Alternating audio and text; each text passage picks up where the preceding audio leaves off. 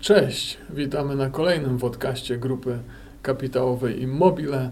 Dzisiaj pierwszy raz, e, no nie pierwszy raz w tym gronie, ale pierwszy raz w nowej koncepcji e, ten, ten, e, ten, ten dział podcastów będzie się nazywał Giełda, Kapitał, Inwestycje. Będziemy poruszać co tydzień najważniejsze tematy z życia ekonomicznego, rozwiewać Wasze wątpliwości. Przepiszcie, komentujcie, co Was interesuje jak co tydzień będą z nami Piotr Fortuna Dobry. i Piotr Kulesa. Dzień dobry. Także w zasadzie już teraz współprowadzący i prowadzący e, Mikołaj Jerzy. Zaczniemy od konkursu. Oto jak to pierwsza rzecz nowa w, nowy, w nowej formule. Pytanie jest proste. Czy RPP na lutowym posiedzeniu podniesie stopy procentowe? Proszę wpisywać w komentarzach tak lub nie. E, mamy specjalną nagrodę dla wszystkich komentujących, także zapraszamy. To będzie niespodzianka. W następnym odcinku powiemy, co to jest. A my też Także- możemy komentować? No, to może Ciebie już teraz zapytam, podniesie czy nie? Uważam, że tak, ale, ale, teraz sobie komentuj, skomentuję. tak, komentuj, tak. No, ja, ja też tak uważam, także to taka mała podpowiedź, ale nie sugerujcie się, bo jak to z tymi prognozami ekonomicznymi, każdy musi mieć swoje zdanie, bo każdy ekspert może się mylić. Także zaczniemy od pytania od y, widzów. Pytania można zadawać zawsze od piątku do poniedziałku, czy na naszym Facebooku, czy pod tym filmem. Także jak coś Was interesuje, to, to, to zadawajcie te pytania. Pierwsze pytanie w zasadzie na razie, na razie jedyne, za które bardzo dziękujemy, to jest w dzisiejszym temacie głównym, a dzisiejszym głównym tematem są stopy procentowe i w tym temacie użytkownik Ola Ola na Facebooku zadała nam pytanie, czy czeka nas taka sama sytuacja jak obecnie w Turcji. Inflacja konsumencka na poziomie ponad 30%. Aż tak będzie? A oni mieli aż tak? 30 mieli? Chyba mieli, nie? Znaczy, sprawdzaliśmy przed chwilą 36, ale za grudzień mają, tak pierwszy raz od długiego Ale teraz czasu mają 20, taką nie? Nie, mieli wcześniej 20 w tamtym A. roku, co miesiąc praktycznie. A teraz odczyty, 36. A ostatni właśnie 36, także. To co? Tak, tak nas czeka? No ja myślę, że na razie nie. Na razie?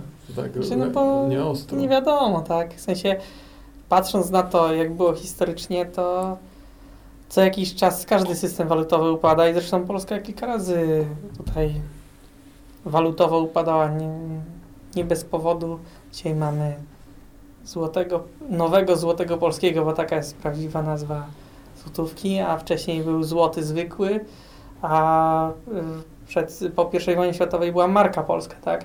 I te, te obie waluty upadły przez hiperinflację, także było dużo więcej niż 36% inflacji. Ty, ale że A. grasz na strachu. A tutaj, żeby, żeby nie straszyć tak mocno e, słuchaczy, to, to, to Piotr jest uczniem Adama, profesora Adama Glapińskiego, który prowadził co? Historię myśli ekonomicznej? Tak, ale nie, nie tylko ja, bo ty też chyba tam. Ale nie, no. nie, nie, nie, nie z nim. ten, nie z nim, nie z nim, także, e, ale, że tak powiem, no, kontynuuj, no, ale aż tak, że jesteśmy blisko upadku tego Ale nie systemu? jesteśmy blisko, tylko mówię, jeśli mówimy tak w ogóle kiedykolwiek, to, y, to na pewno kiedyś taka będzie, tak? To, że to nie będzie, myślę, że nie będzie ani w tym, ani w następnym e, roku, tak? A dalej to bym się, czy tam nawet za dwa lata też nie uważam, że tak będzie. Nawet ja bym osobiście uważam, że raczej za 10 też nie będzie, ale że w perspektywie jakichś tam 30-40 lat tak będzie, to jestem prawie pewien, tak? No bo patrząc na to, jak to było w przeszłości, to co jakiś czas taki okres się po prostu zdarza, tak? No okej, a, a tam chyba się, nawet tam się dość, w Turcji to oni mieli często problemy z walutą. Tak, znaczy generalnie też y, to Imperium Osmańskie się rozleciało właśnie z powodów ekonomicznych, można powiedzieć, tak? Y, to zawsze jednym z elementów jest to, że waluta upada. Em, czyli 100 lat temu powiedzmy, że przez właśnie też wysoką inflację i generalnie nieefektywność ekonomiczną państwa, e, no ten kraj się rozleciał, tak? Bo kiedyś jeszcze 100 lat temu Imperium Osmańskie to był bardzo duży kraj, zresztą ci Turcy, dzisiejszy Erdogan e, nawiązuje do tego okresu, bo przecież chce Ale- odzyskać te tereny. Ale, ale przed, bo tak chwilę- samo ekonomicznie, jak widać, próbuje nawiązać do tego okresu. Chwilę omawialiśmy przed i mówię, że kiedyś było trochę inaczej, bo jak ktoś już nie był w stanie z tych zagranicznych zobowiązań regulować, to kiedyś się takie państwo po prostu najeżdżało. Tak, no kiedyś takie państwa traciły suwerenność, tak naprawdę stały się wasalami tego państwa, które był wierzycielem, no bo gdzieś tam było takie przyzwolenie, e, że, że wierzyciel, państwo wierzyciel mogło użyć armii, żeby wyegzekwować spłatę długów od dłużnika. No tak, ale, Em. ale że tak powiem, e, też, też, też, też są takie nagłówki w prasie, że Erdoğan ma dosyć e, ciekawą teorię ekonomii czy walczenia z inflacją, która jest e, totalnie rozbieżna z tym, co nas uczono e, w szkole głównej handlowej. To, to mówiłeś trochę, że on jakby uważa, że wysokie podnoszenie stóp jest proinflacyjne, tak? No, Tak, znaczy Zawsze się zastanawiałem, czy to są tylko buble zachodniej e, prasy, czy rzeczywiście on tak myśli. To Czy mi się wydaje, że on tak myśli, już wielokrotnie to czytałem i on to w wywiadach też mówi. E, Zresztą tych, którzy się z nim nie zgadzają, wyrzuca po prostu. no tak, ale oni stopy Z mają gdzieś tam 14%. No tak, ale mieli dużo więcej, a on te, tych, którzy podwyższali te stopy, żeby dojść do tych 20, żeby mieć realne stopy na plusie, no to ich wyrzucił tam z tego banku centralnego, gdzie teoretycznie nie mógł tego robić, a jednak jest teraz powiedzmy takim nowym sułtanem i Znaczy ja jak się, ja jak chwilę tak. myślałem o tym, o tym, o tym, w tym temacie Turcji, to, e, to, to uważam że też, że w Polsce aż taki poziom inflacji nie, gr- na razie nie grozi.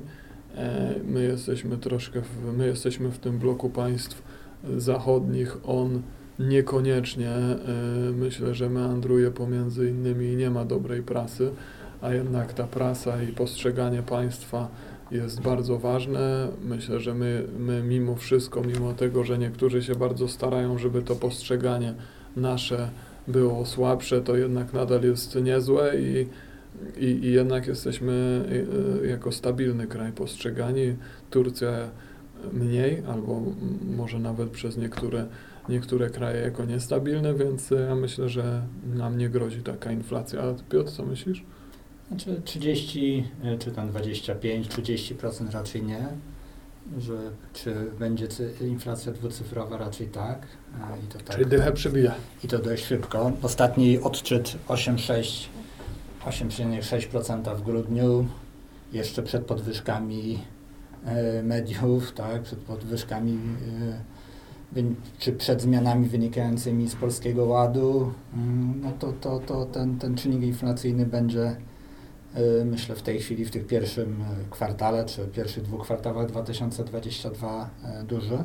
No to może tutaj właśnie przejdźmy do tego głównego tematu odcinka, bo oczywiście zapraszamy do zadawania pytań, ale główny temat odcinka to właśnie jaki wpływ będzie miała zeszłotygodniowa podwyżka stóp procentowych i właśnie chciałem zacząć od, od tej inflacji. To uważasz, uważasz że, że raczej nie zatrzyma tej inflacji ta podwyżka? Znaczy wzrost stóp procentowych działa z dość, dużą, dość dużym opóźnieniem, to jest kwartał, dwa kwartały. E, I my mamy, trzeba pamiętać tak, mamy ok, mamy podwyżkę stóp procentowych od do października mieliśmy na stopy na poziomie 0,1%, czyli można powiedzieć zerowe. W tej chwili mamy 2,25, wzrost o 2,15 e, punktu procentowego, natomiast ciągle są to stopy poniżej są to stopy ujemne, realnie ujemne, poniżej inflacji to znacznie. Pewnie około tych 6-7 y, y, punktów procentowych w tej chwili. Y, Przewidywania są, powiedzmy, ekonomistów czy, czy, czy, czy rynków tak zwanych są takie, że stopy wzrosną do 3-3,5. Y, Takie poziomy notowaliśmy w roku 10 lat temu. W roku 2012 sprawdziłem, mieliśmy 4,5%. Tak? Wyższą stopę procentową mieliśmy w roku 2013 niż w tej chwili, czyli też prawie, prawie 9, znaczy no, 9 lat temu to było 2,5%, potem spadło na 2% i cały czas mieliśmy poniżej 2,25, czyli przez ostatnie 9 lat. Y, Czy one wpłyną na obniżenie inflacji, jeżeli nie będzie zmiennych innych czynników? To raczej nie. Y, Czyli tutaj to, to jest za według mnie jest to za mały impuls, żeby, y, żeby wprowadzić takie przyhamowanie cen. Szczególnie, że jak gdyby te źródła są gdzie indziej. Źródła są w surowcach, są w energii, ale też myślę w tej chwili, czy, czy, czy za chwilę w presji płacowej i tak dalej, i tak dalej. Co prawda, co się będzie działo u nas, nie wiem, chociażby z pensjami, z wynagrodzeniami netto, no to to ostatni weekend pokazał, że jest to wróżenie z fusów i to takich bardzo mętnych, bo zmiany są no, według mnie tak chaotyczne i tak niezrozumiałe, że, że, że trudno cokolwiek tutaj przewidywać. Nie wiemy, co będzie po kolejnym weekendzie, tak? Jak będziemy liczyć, sto, jak będziemy liczyć wynagrodzenia, jak one będą, jak, jak, jak ten y, polski ład tak zwany będzie implementowany realnie. Zobaczymy. Ja, ja zresztą przesłuchałem sobie konferencję profesora Adama Glapińskiego i on też e, mówił to, o czym mówiłeś, że jakby stopy działają z pewnym opóźnieniem, ale też, że on sam się spodziewa dość, że inflacja będzie jeszcze raczej tam powiedzmy rosła, czy będzie dość wysoka do połowy roku, dopiero może od połowy roku e, zacznie Tak, spadać. tylko ale... chyba, chyba powiedział, to słyszałem dzisiaj w, w mediach, więc nie wiem, czy jest to prawdziwe, że szczyt będziemy mieć w czerwcu i będzie to 8%.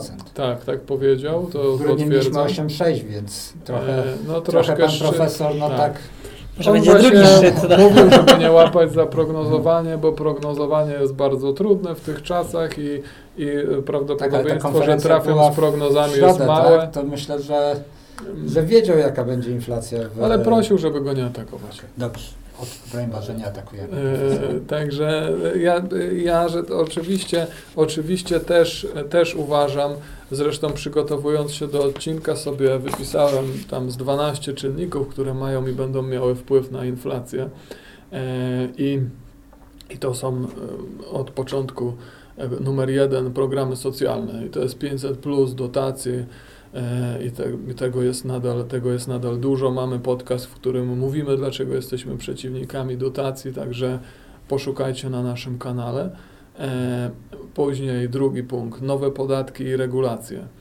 E, To 500, to, to tutaj jest e, nowy ład. Dwa podcasty popełniliśmy na temat nowego ładu. Pierwszy 9 miesięcy temu się nazywa Patoreakcja, później w takim gronie rozmawialiśmy już o nowym ładzie. Ciężko to nazwać e, ładem, e, ale no e, i tutaj ta niepewność regulacyjna też, też wpływa na, na, na, na, tą niepewność i na inflację. Każdy z tych tematów nadaje się na osobny odcinek, także jak coś będzie Was interesowało, to piszcie w komentarzach, na jaki temat byście chcieli, to nagramy osobny podcast. Trzeci czynnik do dróg pieniądza. Ja sobie nie przypominam historii, kiedy Narodowy Bank Polski skupował obligacje Skarbu Państwa czy PFR-u.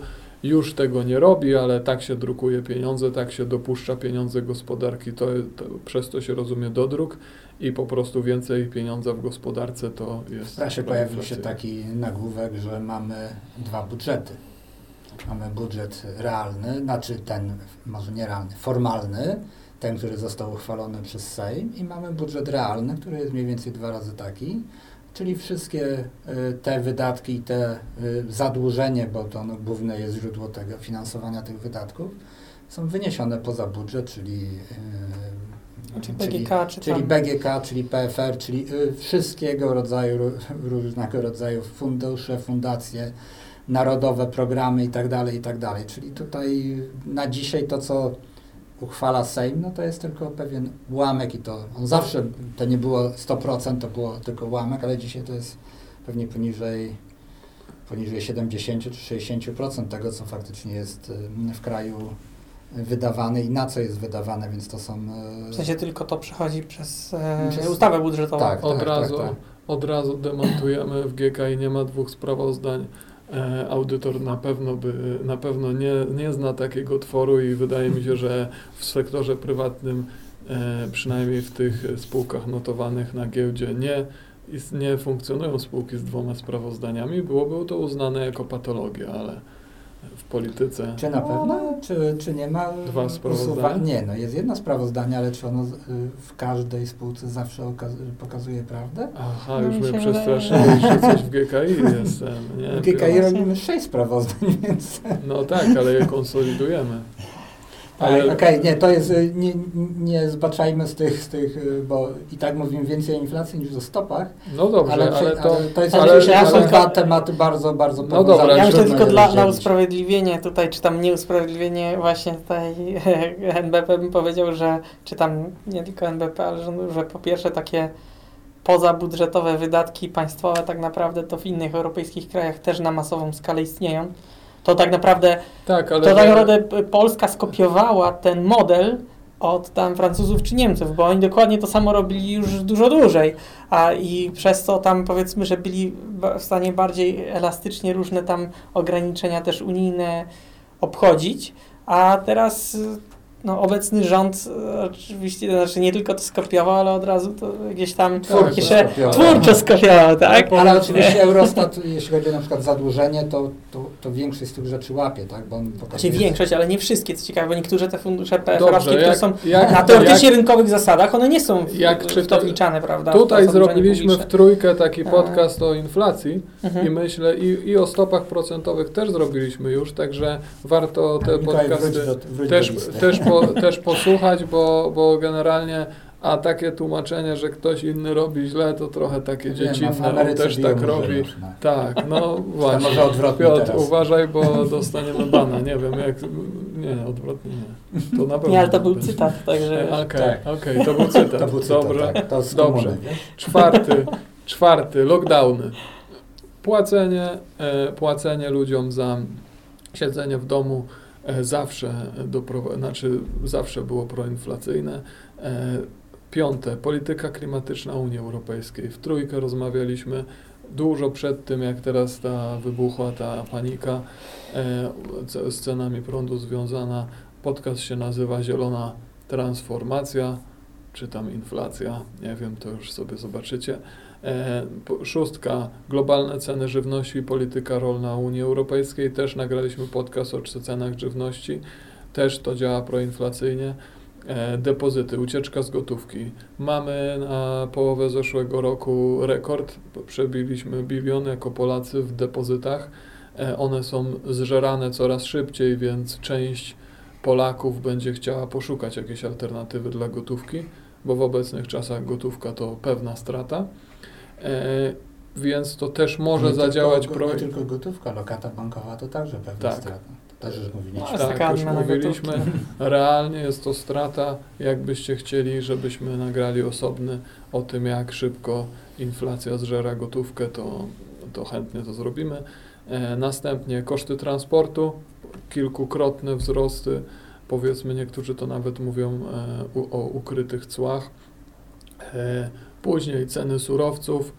e, To, e, to, to też jest i powiązane z polityką klimatyczną Unii Europejskiej, i e, powiązane powiedzmy z międzynarodowym podziałem pracy i tym, w jaki, gdzie co ma być produkowane. No i tym, Teraz- tym takim rozregulowaniem gospodarki też po tej e, Tak, po lockdownach covidowych. Tak, czyli zerwanie, zerwanie łańcuchów dostaw, nie ma półprzewodników, czy może już teraz się, to odbudowuje, ale dużo firm z branży automotive poupadało, te najtańsze poupadały, także tutaj też możemy zrobić osobny e, podcast. Później e, jedenastka, to- I też, żeby nie było, że chodzi o podwykonawców, prawda? tak, W tej, w tej branży automotive nie chodzi, bo przecież żadna duża marka na razie nie upadła, ale chodzi o ich podwykonawców, bo oni w większości nie wykonują, znaczy nie tylko w większości, większość tych producentów nawet nie produkuje już silników do swoich samochodów, e, a wszystko tak naprawdę, ostateczny montaż tylko jest w Tak. fabrykach tej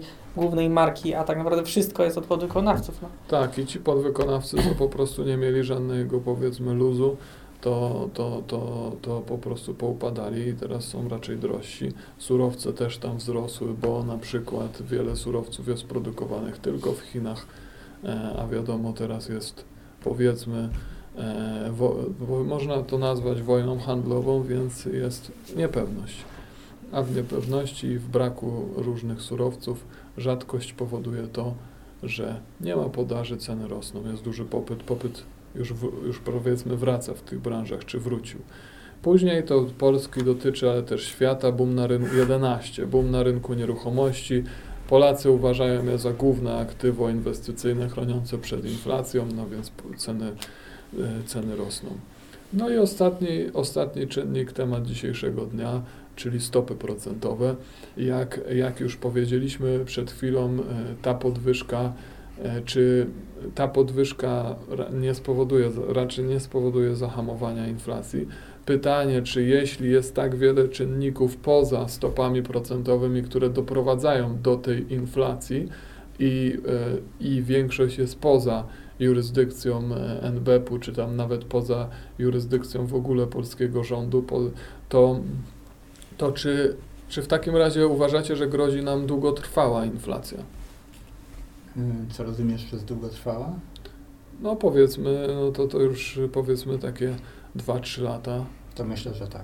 E, Na No, tym poziomie, myślę, że który tak. mamy ten 7, 8, 10, czyli gdzieś w takim, w takim przedziale. Także powyżej 5 powiedzmy, Tak, tak. tak, w takim przedziale tak. Natomiast y, tutaj jest, jest jeden jeszcze element, który, mógł, który y, mógłby być zastosowany. Trochę tutaj się uśmiecham, ale y, jeden z posłów, y, nie pamiętam nazwiska. Nie mów, że ceny regulowane. Ceny regulowane. Nie, nie, ja to słyszałem, ale specjalnie prze, prze, prze, przemilczyłem, chociaż nie powinienem stosować cenzury prewencyjnej jak niektóre media, ale, e, ale rzeczywiście, no, ja, ja, ja uznałem, że Znaczy- się przesłyszałem. Nie, ale ja jestem praktycznie, znaczy nie wiem w jakiej formie. Nie ja mów, że jestem prawie za. pewny, nie, jestem prawie pewny, że to zostanie wprowadzone w jakiejś formie i dla jakichś tam produktów. Ale wytłumacz mi tą logikę, bo... Znaczy, ja wytłumaczę Bo nie logikę, tylko pro- dam analogie historyczne znowu. Okej. Bo po pierwsze, y, dla cen na przykład y, na stacjach paliw, to już Węgry w tej chwili, to współcześnie w tym w tamtym roku wprowadziły coś podobnego.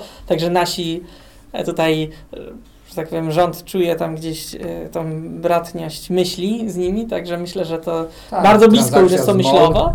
E, tak, myślowo już jest bardzo blisko, a historycznie nawet Amerykanie w latach 70., kiedy mieli podobny e, okres inflacyjny, jak teraz na świecie następuje, to oni nawet mieli ceny regulowane. Zresztą tak samo w trakcie, nie wiem, II wojny światowej nawet Amerykanie mieli. Także nawet takie powiedzmy No bardzo wolnorynkowe gospodarki robiły coś takiego, więc my tym bardziej to zrobimy. Ale, Kartki. czy, czym, ale czym to się kończyło? No bo powiedzmy, no bo powiedzmy, ja sobie to wyobrażam tak. Załóżmy jest, nie wiem, że, że na przykład ceny nawozów nie mogą być tyle, tak? A wiadomo, że główny czynnik na przykład produkcji ceny nawozów to jest tam powiedzmy Gaz. gaz, Mhm. gaz i gaz jest ma jakąś poziom. I ten przedsiębiorca to jest akurat państwowy, to może zły przykład. Ale załóżmy ten przedsiębiorca nie jest w stanie po tyle wyprodukować, więc ma cały czas stratę.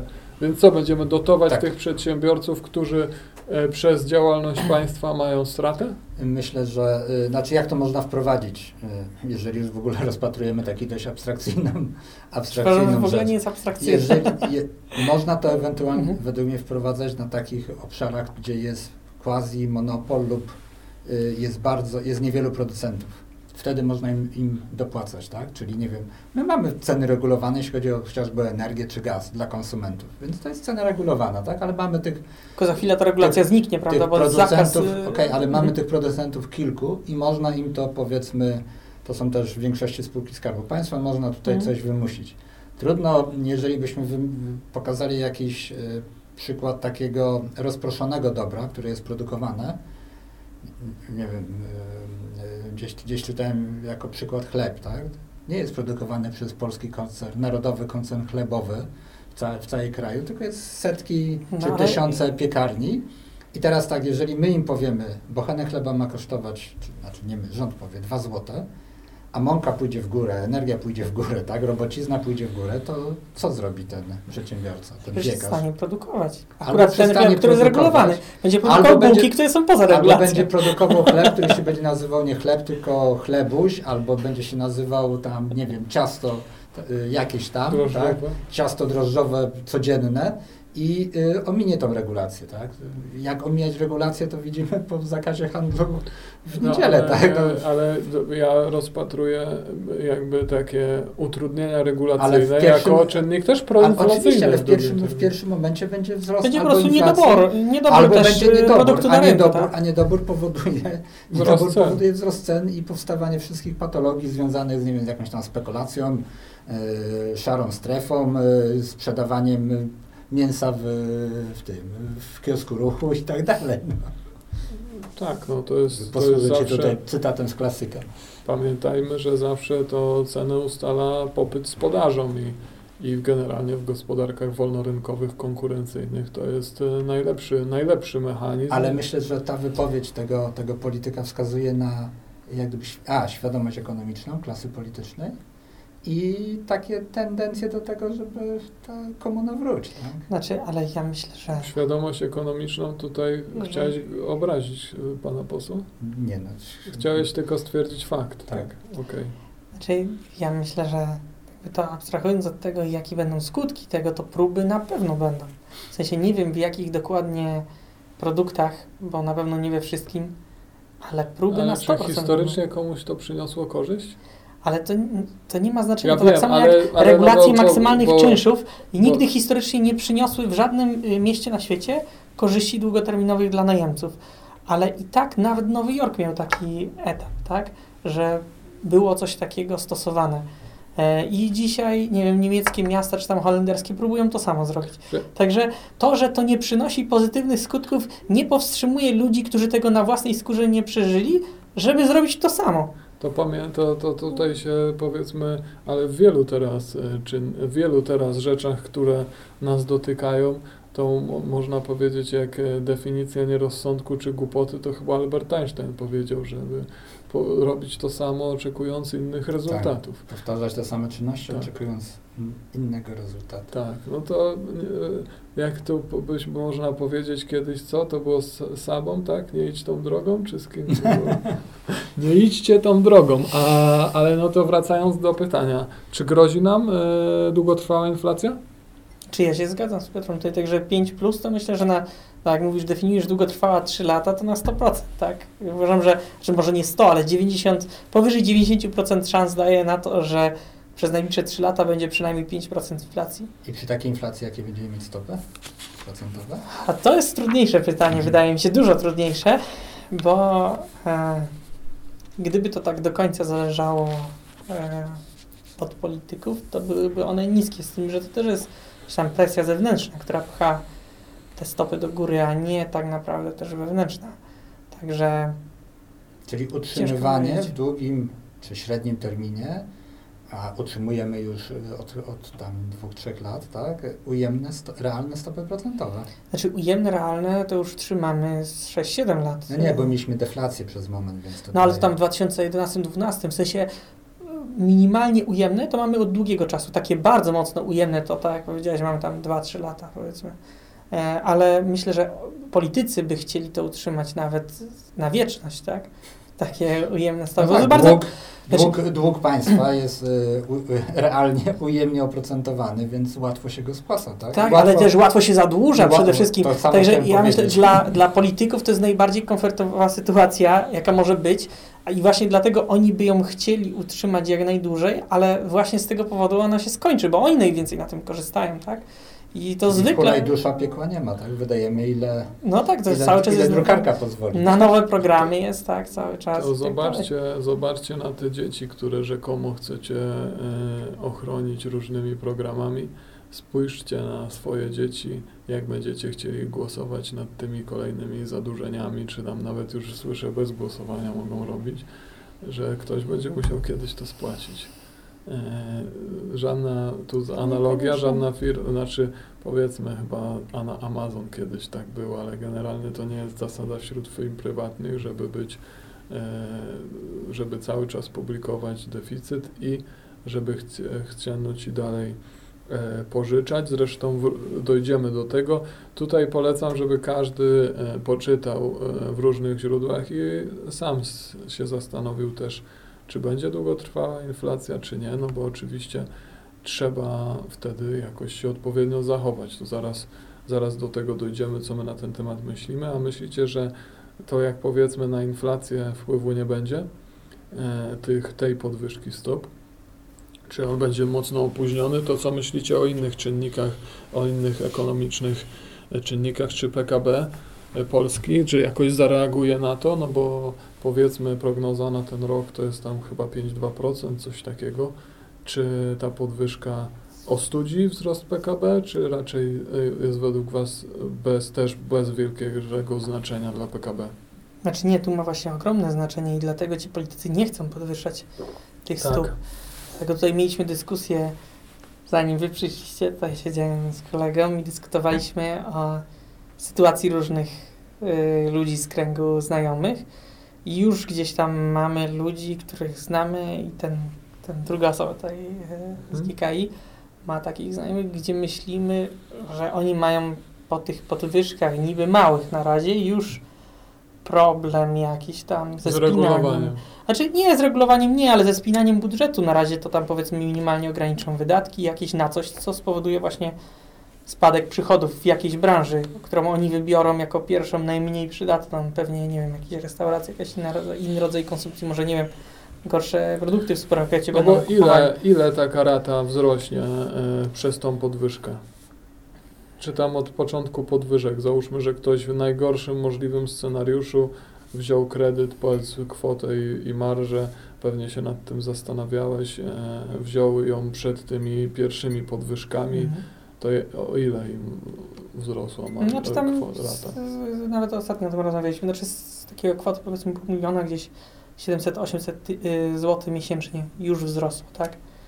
To jest bardzo rata. proste do policzenia, tak, 100 tysięcy od, paździer- od y, powiedzmy No tam września dwa- mamy wzrost o 2,15%, czyli dwa mi, dwa tyś, od 100 tysięcy 2150 zł rocznie, czyli to jest 179 zł miesięcznie.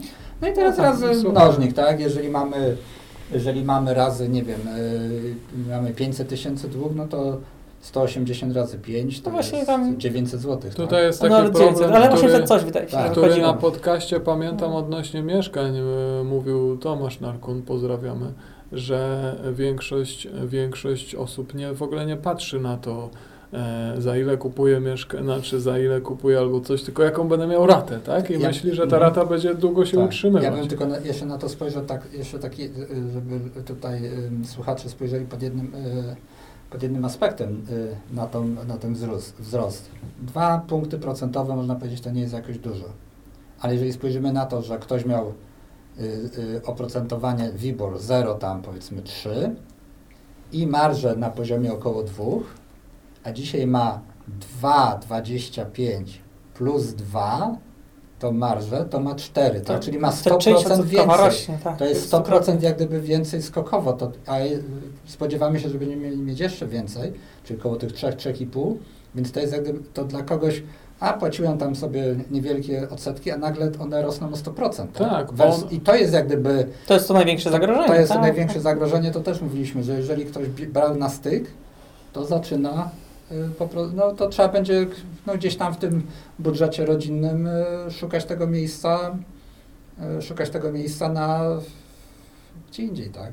Znaczy on, y, on też myślę, że w obecnej, w obecnej sytuacji tych stóp y, osoby, które tak właśnie na skraju swoich możliwości brały ten kredyt, to on w obecnej rzeczywistości w ogóle by tego kredytu nie dostał. Mógłby nie dostać, to prawda i to jest znowu obniża popyt na różne. Kolejne rzeczy, ale nawet jeżeli będzie w stanie, tak, ten przykład, który Piotr podał, według mnie jest bardzo dobry. Okej, y, nie będę miał, pro, znaczy ben, nadal będę regulował terminowo raty kredytu hipotecznego, czyli tego mojego głównego zadłużenia, ale nie kupię nowego ubrania, nie, może nie wymienię samochodu, może nie pojadę na wakacje, bo po prostu mnie na to nie będzie stać, albo będę mniej kupował jakichś tam innych rzeczy, może z korzyścią dla środowiska czy, czy innych tutaj aspektów, ale dla PKB jako miernika będzie to na pewno wpływ niekorzystny. Tak? Tak. Pytanie tylko jak Ale szybko, to bo... 5,2 jest zagrożeniem w tym roku? Uważacie? Ale 5 Wzrost- dlaczego? Wzrost Tak. planowany 5,2. Ale to ciężko powiedzieć, znaczy, bo w to zeszłym bardziej... roku gdzieś koło 5,3. Mi się wydaje, że jeszcze końcówka tamtego roku i tak samo nawet część tego roku to jest uważam taki początkowy etap tej dużej inflacji i on przez to, mm, że ludzie czują to naprawdę, to jest niesamowite, jest taka wyczuwalna atmosfera, z kim się rozmawia, każdy rozmawia o tym, e, co zrobić z pieniędzmi, żeby nie została mi gotówka. To to przejdziemy. Ale, ale moment, ale to uważam, że PKB. krótkoterminowo na PKB bardzo pozytywnie wpływa, bo y, robi się zapasy Tak. nawet konsumpcyjnych rzeczy, które się nie popsują przez naj- najbliższe na przykład dwa lata i się robi zapas na, na zużycie na najbliższe 2-3 lata. Y, I to chwilowo na PKB pozytywnie wpływa, nawet zawyża to, co normalnie, bo ja bym kupił czegoś tam jedną jednostkę, a kupuję 10 w ciągu tych dwóch lat, tyle zużyję. Aż tak się boisz tej Tapczany inflacji? Czy mówisz o przykładowych? Nie tapczany, ale na przykład. no, a później będziemy, wiem, że będziemy rozmawiać o jakie inwestycje są najpewniejsze. Dzisiaj się śmiałem z jednym kolegą, że najpewniejszą inwestycją to tak jak w tym żarcie kiedyś, to jest wódka. Bardzo wysoki procent i szybki zwrot. Ale tutaj, dlaczego on akurat teraz jest jeszcze pewniejszy? Bo mm, w tej, e, była podwyżka akcyzy, nie wiem czy no, zauważyliście. ale od się 1 nawet nie najesz. Nie najesz się, ale gdzieś tam Ale się się nie psuje, to jest kluczowe, się nie psuje. A ty więc chcesz można, sprzedawać później. nie, nie sprzedawać, bo na to musiał mieć koncesję, ale pomyśl, że za 10, w ciągu 10 lat to jednak coś tam wypijesz, jakieś imprezy będą, choćby na te sylwestry najbliższe przez 10 lat, to możesz już Ale dzisiaj kupić, tak? wiesz. Nie wywietrze, jak jest zakręcona, nic nie wywietrzeje. Dobrze, okej. Dobra. Zmieńmy. e, Piotr, czyli- jeszcze, a- jeszcze wracając do PKB, uważam, że e, stopy mogą mieć ten, e, obniżą e, trochę to, stopy i inflacja, bo to są Tak. dwie rzeczy ze sobą powiązane, mogą obniżyć to, to PKB, natomiast uważam, że to będzie miało jak gdyby spotęgowany wpływ, albo nawet będzie tylko dodatkowym czynnikiem z uwagi na, na jak gdyby inne aspekty, tak? na te ograniczenia powiedzmy jakichś tam łańcuchów dostaw, które może się będą zmniejszać w tym roku, ale problemy z energetyką, brak y, powiedzmy inwestycji w energetyce i tak dalej, i tak dalej. I to może, czy brak taki, jakby, jaki by się można było spodziewać, i to będą te elementy, które będą, będą spowalniać, tak? Czy brak w ogóle tych inwestycji infrastrukturalnych, to co miało być tym kołem zamachowym, tego tak zwanego ładu polskiego, to, to może to w ogóle nie zaistnieć, bo już się mówi, że nie będzie 14 emerytury, tak? Że nie będzie czegoś, że nie będzie czegoś. Ale zresztą y, prezes, przepraszam, że ci To akurat słowo. brak 14 emerytury to jest działanie y, antyinflacyjne. No, tak? no tak, antyinflacyjne, prezes- ale ale z drugiej strony prezes antykonsumpcyjne. konsumpcyjne, więc tak. wpływa na, e, na PKB. Tak? Ale Tak, prezes tak, tak. Narodowego Banku Polskiego e, powiedział, bo dostał takie pytanie, co by mogło odwrócić trend, e, czyli co by mogło spowodować obniżkę stóp procentowych i powiedział, że co prawda zaznaczył, że nie, ten scenariusz jest mało prawdopodobny, ale mówił, że jeśli PKB będzie, e, będzie, będzie spadał znacznie wzrost, czy tam e, będzie słabo rósł. I jeśli na przykład by e, znowu weszły pomysły lockdownów, czy to chociażby w Niemczech, bo opowiadał, że to już ma duży wpływ na, na spadek PKB też Polski, czy już tym bardziej w Polsce, no to najprawdopodobniej będzie wtedy trzeba zmienić ten trend i znowu obniżyć, bo, bo jednak e, wskazał dwa główne cele, a naprawdę jeden e, cel, w którym, e, w którym Rada Polityki Pieniężnej, czy on jako prezes NBP się kieruje, to jest e, wpływ na bezrobocie. I powiedział, że on patrzy z perspektywy bezrobocia, z tego, żeby po prostu tego bezrobocia w Polsce nie było, bo uważa, że koszty społeczne bezrobocia są zbyt duże, więc zapytam Was, e, czy te stopy są, za, jest zagrożenie według Was, że e, zwiększą bezrobocie te, te, te stopy procentowe w Polsce? Na razie jeszcze nie. Znaczy Nie. 2% raczej nie, ale pytanie, znaczy pytanie, gdzie to dojdzie, tak? Bo tutaj mówimy o tym, że 3-4 może będzie.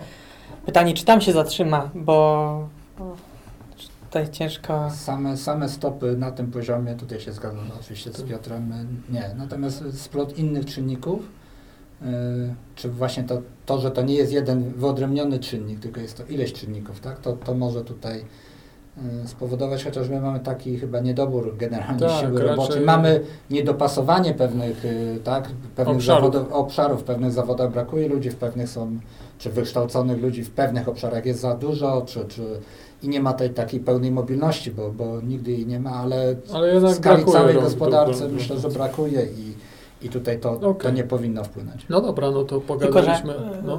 może tylko to na razie, jak to zostanie 2, jak będzie 3, to tak. Tylko, że jakby całe zagrożenie jest gdzie indziej, że to będzie 3% albo 4% tych stóp procentowych, to nadal nie wpłynie na obniżenie inflacji, tak tutaj mówimy, i będzie trzeba dalej podwyższać, bo e, taka Irlandia gdzieś tam w trakcie tego kryzysu ostatniego finansowego to gdzieś tam konsumpcyjnie się właśnie załamała i przez to też później ta jakość kredytów tak bardzo spadła i przez to oni mieli taki kryzys, taką dużą recesję, tak? Eee, można powiedzieć, że w pewnym sensie zbankrutowali w trakcie tam 2008-2010, tak? Eee, dlatego, że e, ten napływ pieniądza tak spadł, gdzieś tam te stopy procentowe taki szok wywołały tam u nich, e, więc Do jakiego poziomu doszły wtedy, pamiętasz? No dobra. nie pamiętam, ale wtedy startowano z czterech powiedzmy, już nie pamiętam gdzie do... E, Okej, ale gdzie znacząco wyżej. ale- Znaczy nie tak dużo wyżej, znaczy to nikt nie wie, gdzie dla danej gospodarki ta, jest ta granica, ta granica. bariera jest, bo to jest, gdyby w NBP to wiedzieli, czy tam w Banku Centralnym Europejskim, to by nigdy nie przekraczali tej granicy, ale na tym polega cały trik, że nikt tego nie wie, tak? No dobrze, E. e, ale no to powiedzmy, że będziemy funkcjonować pewnie, w tym się zgodziliśmy w, w, w powiedzmy takiej atmosferze wyższej inflacji i też w stanie psychofizycznym Polaków takich, że będą chcieli walczyć z tą inflacją. E, Także zastanówmy się, jak to wpłynie na różne klasy aktywów, jak na rynek nieruchomości. Może ja będę sprecyzuję rynek nieruchomości, no bo powiedzmy e, przysłowiowy, e, typowy Kowalski, no nie kupi sobie centrum handlowego, e, czy centrum logistycznego magazynu, czy nie kupi też biurowca, czyli bardziej, a jak będzie chciał zainwestować w hotel, no to pewnie wyjdzie mu z analizy, że najlepiej jest to zrobić z Focus Hotels, bo podobno słyszałem, że oni nawet w lockdownach płacą, e, płaczą i płacą. E, to, mm, no to powiedzmy, sprecyzujmy, że chodzi nam o rynek mieszkaniowy. Polecamy e, nasz podcast o cenach mieszkań na, na tym kanale, ale powiedzmy, jak ten sam wzrost tych stóp, Waszym zdaniem, wpłynie na rynek mieszkaniowy? Czy, czy go schłodzi? Kolega z CDI powiedział, że jego uczono na studiach inżyniera, że taką y, stopą procentową, która może zacząć hamować rozwój deweloperki, czy w ogóle tego rynku mieszkaniowego, to, jest, to są 3 punkty procentowe w skali roku. E, 3% w skali roku, więc y, Jeszcze jesteśmy poniżej. Jesteśmy poniżej, ale gdzieś na tej granicy będzie. Czy to jest dokładnie 3, czy to jest 3,5, to tego oczywiście ja nie wiem, ale myślę, że jest to ja- jakaś taka e, No. granica. Na pewno grubo powyżej 5 to już jest problem.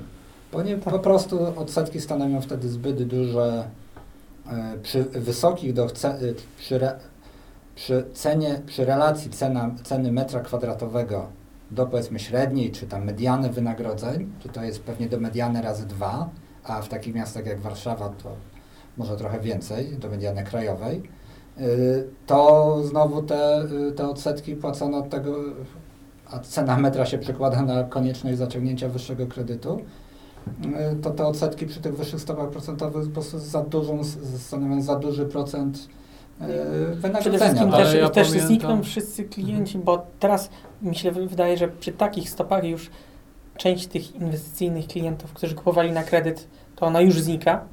Za chwilę, jeszcze nadal kupują mieszkania ci, którzy mają gotówkę i chcą na coś wydać, tak? I, I wybrali nieruchomości, to oni nadal jeszcze kupują.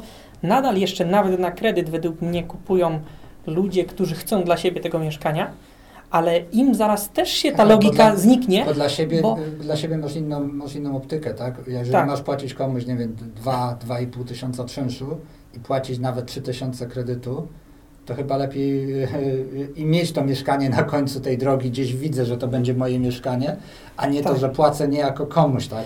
Tylko na razie, bo y, tak jak mówiłeś, jak będzie 5% stopa procentowa, czyli będzie 7% odsetek, a realny zwrot z wynajmu jest 3 powiedzmy, to nagle się okaże, że w tej chwili, tak, powiedzmy 3-4% Tak. gdzieś tam jest średnia, to nagle się okaże, że tutaj wynajm jest połowę tańszy niż ta rata, więc może jednak lepiej na razie po, powynajmować, a nie kupować, tak? Więc Tylko, y, to wszystko zakłada- zależy od tej stopy. Zakłada, że się utrzyma taka, taka stopa. Ym, cena też będzie podążać za tą inflacją, więc to jest y, i za tym. Uważam, że szybciej się to wyreguluje, znaczy to zobaczymy, jak to będzie w praktyce, ale dużo bardziej elastyczna będzie ta część e, ceny mieszkań niż ceny czynszów, tak? E, No Okej, no to jest to. no zobaczymy, no. tak? To tam... Ale tutaj ja pamiętam, że jak przed, przed pandemią e, rozmawiałem z, z, też z kolegą z CDI, e, to pamiętam, że bardzo duży udział, wtedy pamiętam, że większość to było jednak zakupy za gotówkę. E, mimo wszystko nadal jest e, wśród Polaków takie przekonanie, że nieruchomości są pewną inwestycją, dobrą lokatą i ochronią przed inflacją. Pewnie mm, przez w zasadzie całe 30 lat e, one rosły i pewnie to jest jakieś, pewnie to twierdzenie jest uzasadnione, ale myślę, że teraz już nie w każdym przypadku ta nieruchomość realnie ochroni przed tą inflacją. Zależy jaki będzie jej poziom. Tylko właśnie patrząc z perspektywy te, Przed inflacją takiej- może nie uchronić, ale czy, czy nie jest alternatywą? No, Czyli no, taki jest najlepszą alternatywą, tak. prawda?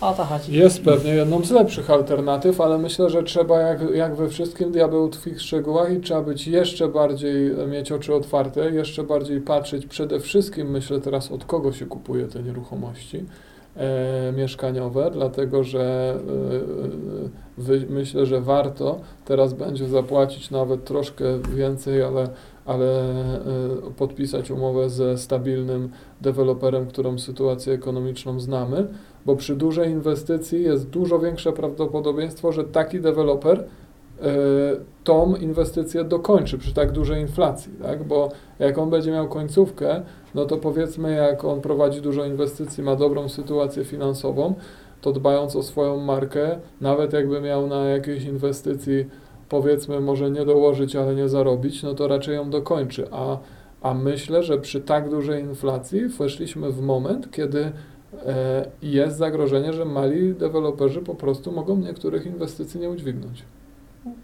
Okej, ale myślę, że to, co Piotr powiedział, że i tak może być to jedną z lepszych alternatyw ten zakup mieszkania, przynajmniej dla takiego Kowalskiego, którego, który nadal ma kwotowo gdzieś tam i nie chce wchodzić w jakieś bardziej ryzykowne operacje, bo nadal może jakiś tam lokal komercyjny byłby e, większy zwrot miałby, tak, czy tam większe szanse na zarobienie by miał, no ale to są już większe kwoty, większe ryzyko, trzeba operacyjnie się tym zajmować i tak dalej.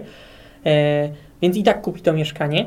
I teraz y, nawet wiedząc, że ten zwrot będzie na pewno poniżej inflacji, to i tak wielu się zdecyduje, mając gotówkę, nie, nie biorąc kredytu, ale mając gotówkę, żeby wydać cokolwiek, tak?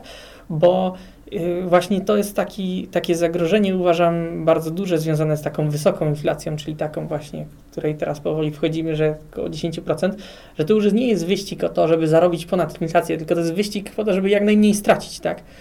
E, Mamy dwa źródła, tak, w przypadku mieszkania.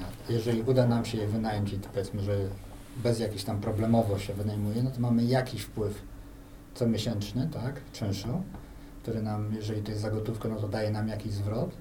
I dwa, gdzieś tam z tyłu głowy mamy ciągle, że ten y, wzrośnie cena, tak? Że ten, ta wartość rezydualna za te 10 czy 15 lat no, będzie jednak wyższa niż, niż dzisiaj.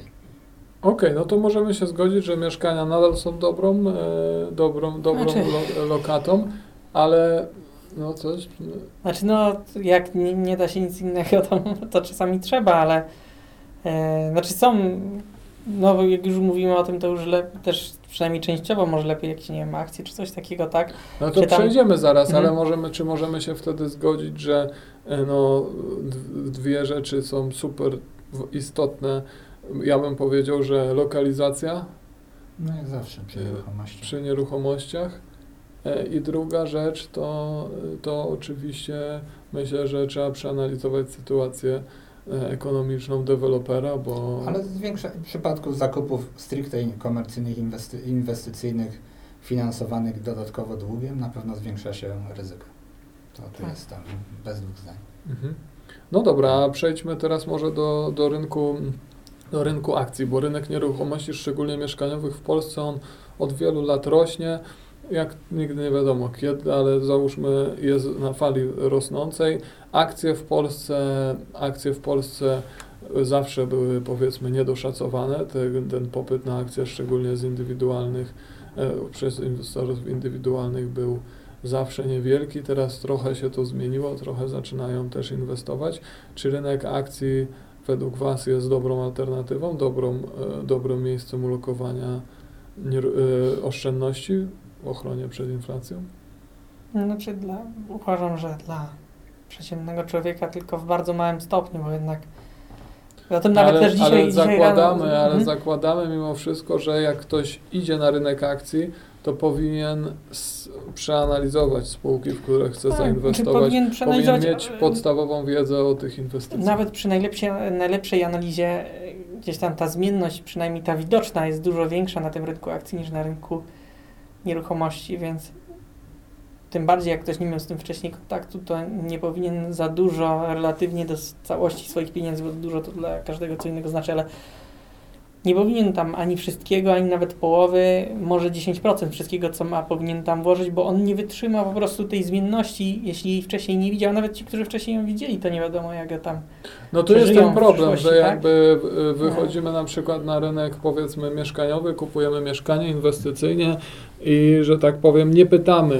codziennie kogoś, a ile to teraz jest warte, a ile jutro, a ile pojutrze. I że tak powiem nie jesteśmy stymulowani, że raz to jest 300, potem 280, potem 320 i dobra, sprzedaję, nie wytrzymam.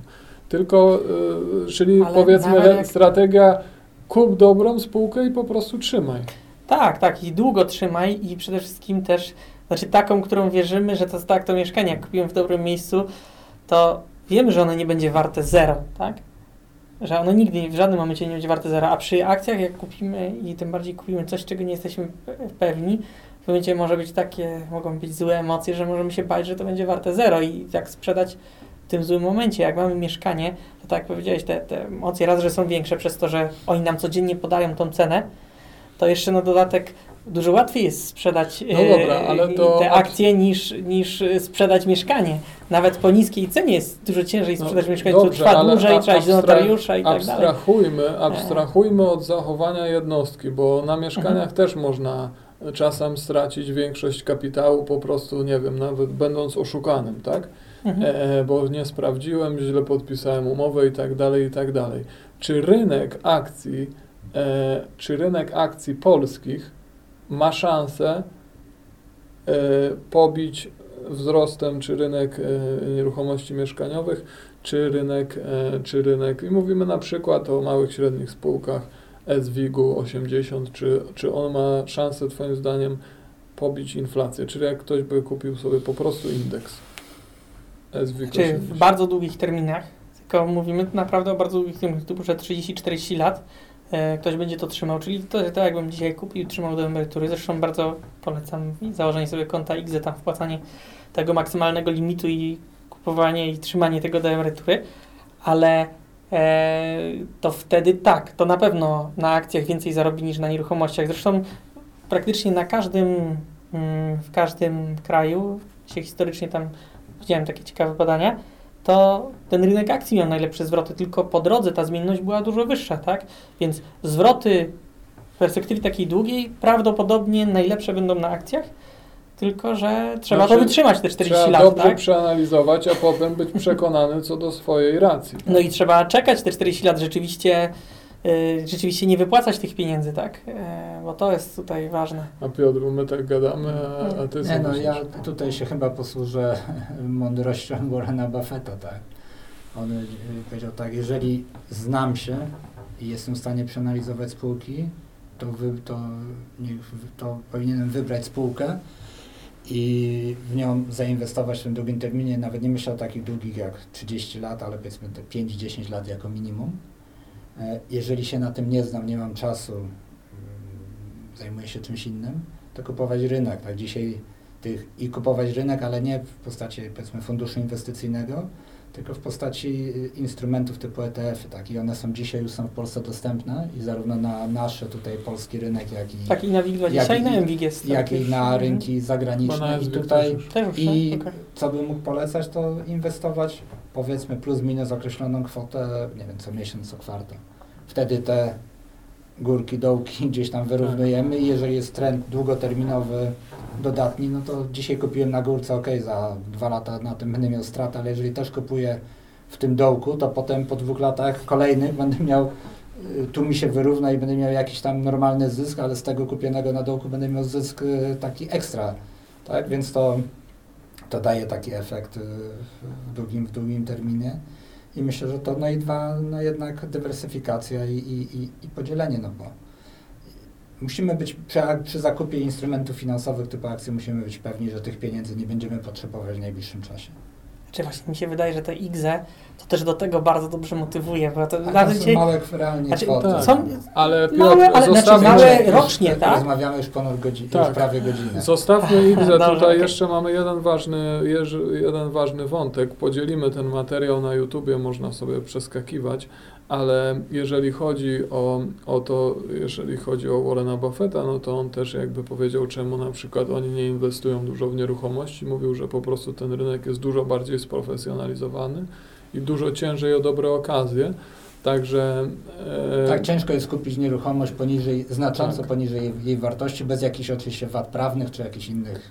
A w akcjach, Wad. a w akcjach da się to znaleźć, ale tutaj naprawdę trzeba poświęcić czas na analizę. Nawet kupując czy nieruchomość, czy ETF-a też trzeba zobaczyć, czy w składzie, czy on e, fizyczne aktywa, czy tam rzeczywiście kupuje akcje i Tak. też dobrze, że jak jest, e, jak jest wypuszczony przez e, znaną instytucję. Także, także warto to wszystko posprawdzać. Kończąc, rynek, rynek obligacji, czy uważacie, że on jest w stanie ochronić przed inflacją? Czy jest sens się pakować teraz w obligacje? Znaczy są takie obligacje, przynajmniej dla detalu, czyli dla nas wszystkich tutaj, które są indeksowane o inflację i co prawda przez to, że jest podatek belki przy takiej dużej inflacji typu 10%, one i tak nie ochronią, bo tam y, ten podatek zeżre tą marżę powyżej, powyżej inflacji, ale będzie bardzo blisko, myślę, realnego zachowania Czy je można dzisiaj kupić? Można, ale dopiero w drugim roku jest indeksacja inflacji. W pierwszym roku jest tam Aha. jakaś stała chyba 2% czy Czyli coś przez takiego. dwa lata masz w- w pierdziel za przeproszeniem, a potem masz szansę, żeby tam... Tak, a jest- są takie, które mają jeszcze dużo większą marżę, ale to jest tylko dla beneficjentów 500 plus i maksymalnie za tą kwotę, którą się otrzymało w ramach tego No, programu, nie- ale to, to jak nie- ktoś może, to bardzo. No, ale Nie jakiekolwiek polecamy. obligacje o stałej stopie kupowane kiedyś, o, o, no, będą Mhm. dzisiaj dawały powiedzmy stratę, czy tam nie będą chroniły. Natomiast ewentualne kupienie obligacji o stałej stopie na górce, czyli po wysokich stopach, y, może przynieść bardzo ciekawy efekt, tym bardziej, że obligacja to nie jest tylko y, zysk na odset na oprocentowaniu, ale tam działa matematyka. Jeżeli dzisiaj bym kupił obligację powiedzmy mm, 100 tysięcy złotych na, nie wiem, strzelam 10%, powiedzmy, że jest to uznany podmiot i, i nie boję Mhm. się o stratę, y, bo dzisiaj mamy stopy czy inflację na poziomie 10, a za, i to jest 10-letnia obligacja i za 3 lata będziemy mieć stopy na poziomie, y, na poziomie powiedzmy 5%, to kapitał czy wycena tej obligacji powinna wzrosnąć o 100%, tak? Tak, znaczy teraz w tym e, logice, bo to jest bardzo ciekawy wątek, tak? To znaczy wtedy to raczej powinno się kupować tylko obligacje Skarbu Państwa. Zresztą na takie okresy w Polsce to tylko są w zasadzie obligacje Skarbu Państwa dostępne. Ale to E, też działa odwrotnie, nie? Jeżeli Tak, kupiłem po dokładnie. jeden, a dzisiaj mamy trzy na rynku, to ona mi spadnie o, do 30%, tak żeby się wyrównały poziom zwrotu z, tych samej, z tej samej klasy aktywów. nie? Tylko tutaj też, e, tutaj też diabeł tkwi w szczegółach e, i jednak e, powiedzmy Polska, Polska jest mimo wszystko stabilnym krajem, ale pewnie jakbyśmy wzięli jakiś kraj mniej stabilny, czy tam historia na przykład takiej Argentyny, to wiele razy można było na tej obligacji dostać okrągłe zero, więc obligacje też nie są bez ryzyka, też trzeba je analizować, E, Jak będziecie chcieli, nagramy osobny odcinek o obligacjach, zresztą akcjach i obligacjach rozmawialiśmy na tym kanale z Remigiuszem, Iwanem i Piotrem, także można sobie obejrzeć. Jeszcze jakieś jedno zdanie chcecie o obligacjach, bo byśmy przeszli dalej. Znaczy z tymi obligacjami to bym tylko powiedział jeszcze, że zależy zawsze jaka perspektywa, tak? Ja tam popieram patrzenie w długiej perspektywie z tym, że nawet kraje u nas takie w Europie, które się wydają stabilne, e, w zasadzie w bardzo długich okresach typu, mam na myśli teraz taki okres do emerytury, czy tam na czas emerytalny, czy tam 30-40 lat, to wcale nie jest pewne, że, że nawet bardzo stabilne kraje przetrwają, bo y, w ciągu ostatnich tam 200 lat to praktycznie wszystkie europejskie kraje zbankrutowały przynajmniej raz. Tak? E, Piotr, Dobre perspektywy. Ty jesteś naprawdę dzisiaj, ale że tak powiem, e, Piotr ma jakieś myślenie takie trzeba być w świadomy, perspektywie milenium. ale trzeba trzeba dawać- milenium. To patrzcie, w ciągu 200 lat e, Polska, znaczy Polska Ja powiedz, tak. że nie istniała, to, ale zbankrutowała 4 razy, czy tam 5 razy. Nie wiem, Niemcy też z 5 razy przynajmniej. Francja też z 5 razy.